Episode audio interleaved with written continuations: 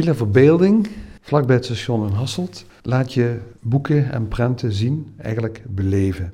Villa Verbeelding doet tijdelijke expo's, een vaste expo, doet veel voor jong en oud en ook veel voor kinderen. Maar kijk, als ik dat te weten wil komen, dan kan ik op jullie website kijken. Maar je hebt al een datum dat er iets gaat plaatsvinden, hè?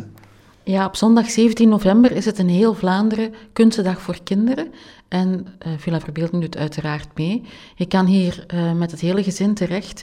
Uh, en het museum is die dag gratis te, bezoeken.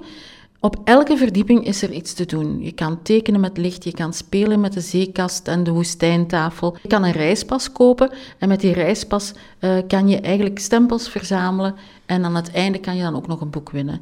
Maar het voornaamste is eigenlijk die dag is er op elke verdieping iets te doen. Er zijn mensen die voorlezen. Je kan opdrachten vervullen. Er is de hele dag, Kunstendag voor Kinderen, staat de hele dag in het teken van, van de kinderen en de gezinnen die, die komen. Het museum is gratis toegankelijk en uh, er is van alles te doen. Op elke verdieping uh, kan je bijvoorbeeld met de woestijntafel, in het zand van de woestijntafel, figuren en woorden zoeken en daarmee een verhaal maken. Je kan spelen met de zee kast en mm. je kan tekenen met licht.